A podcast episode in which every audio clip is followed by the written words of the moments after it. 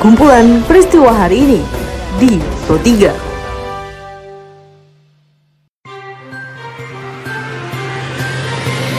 Halo pendengar, selamat berjumpa kembali di podcast Pro 3 RRI dengan kumpulan peristiwa hari ini. Pada podcast kali ini pendengar saya akan mengulas isu-isu aktual yang saat ini masih hangat juga ramai diperbincangkan di sekitar kita. Tentu saja pendengar nanti akan saya hadirkan cuplikan informasi dari reporter kami. Saya Tika Nantia, inilah kumpulan peristiwa Pro 3 di ruang dengar Anda. Pendengar sebelum masuk dalam beberapa isu aktual yang akan saya hadirkan sesaat lagi, seperti biasa saya mengundang Anda untuk mampir ke laman berita kami di rri.co.id. Anda juga bisa follow sosial media kami, Instagram, Twitter, juga Facebook dengan mengetik at RRI Programa 3 di kolom pencarian Anda.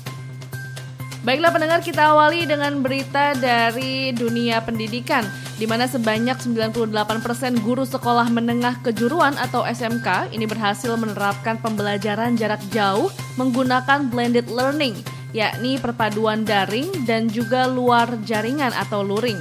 Dilaporkan oleh reporter kami Rini Hairani bahwa kompetensi belajar bagi siswa juga dinilai telah tercapai selama masa pandemi COVID-19.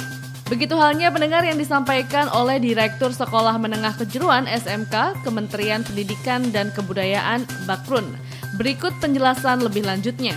Kalau kita bicara tentang peran di masa pandemi ini kan sebenarnya banyak sekali apa yang sudah dilakukan oleh SMK, baik itu yang berkaitan dengan kesehatan maupun bakti sosial yang dilakukan oleh SMK. Namun demikian kaitan dengan pembelajaran kita juga kita kembangkan di SMK ini adalah uh, kita sebenarnya sudah agak lama mengenal dengan adanya blended learning yaitu pembelajaran baik secara online maupun apa tatap muka. Nah pada saat pandemi ini sebenarnya kita dipaksa untuk melakukan itu dan alhamdulillah teman-teman SMK Menurut survei yang kami lakukan ini Bu, 98% guru itu melakukan proses pembelajaran secara apa daring ya. Dan inovasi yang dikembangkan oleh Bapak Ibu guru semua.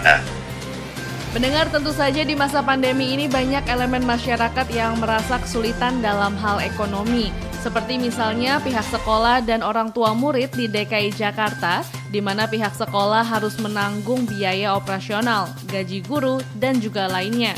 Sedangkan bagi pihak orang tua murid ini harus tetap membayar SPP penuh meski anaknya belajar di rumah.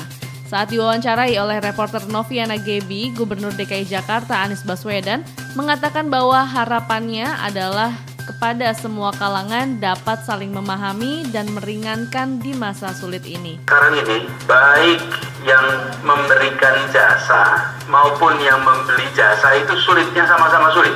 Yang memproduksi barang juga sedang kesulitan, yang membeli barang juga kesulitan. Jadi bagi sekolah mereka harus menanggung biaya operasional, biaya guru, biaya-biaya lain.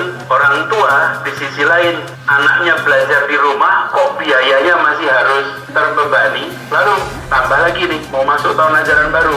Kemarin saya sampaikan, dibuatkan memo dari Bu Kadis, bahwa kita tidak ingin ada beban ekstra di masa sulit ini.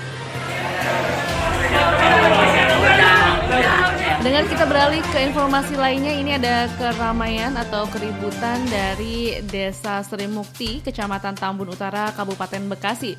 Rupanya ada jenazah yang dijemput paksa dan diketahui bernama almarhum Rosidi berusia 55 tahun, warga Kampung Gabus Dukuh, Desa Sri Mukti, Kecamatan Tambun Utara, Kabupaten Bekasi. Dan diliput oleh reporter Erik Hamzah, Sandam Rintang, selaku kepala desa setempat mengaku bahwa dirinya tidak mengetahui secara pasti apakah warga yang dijemput paksa tersebut merupakan warganya. Ya kalau ini tadi kejadian tadi, karena kita lagi di desa posisinya, cuman kita di bel. Oh ini banyak warga pemuda ke rumah sakit. Nah saya meluncur ke sana, kepapasan saya di jalan. Nah posisinya berduka begitu kita menanyakan bagaimana kronologisnya kita ini saya belum sempat. Informasi lainnya pendengar setelah tiga bulan tertunda pelaksanaan tahapan pemilihan kepala daerah akibat pandemi COVID-19, panitia pelaksana dan pengawas pilkada yakni KPU dan Bawaslu Maros akan melakukan tahapan pilkada pada tanggal 15 Juni mendatang. Dijelaskan oleh Ketua KPU Maros Samsul Rizal saat diwawancarai oleh reporter Kristianto, pada kesempatan ini protokol kesehatan akan diprioritaskan dan dilakukan secara virtual menggunakan aplikasi Zoom.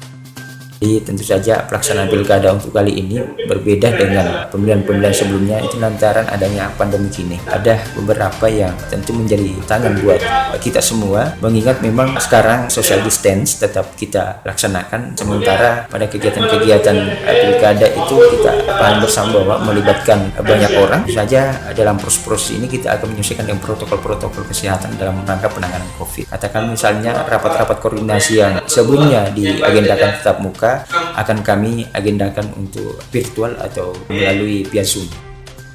Kita beralih ke informasi luar negeri pendengar di mana Singapura telah membuka kembali setelah kebijakan lockdown partial atau circuit breaker selama dua bulan. Hal ini dilaporkan oleh reporter Nuke Kusumawati.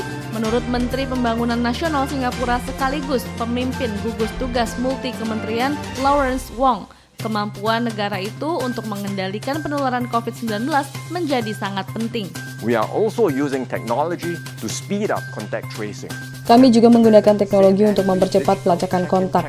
Kami telah menerapkan sistem check-in check-out yang aman dan aplikasi Trace Together pada smartphone.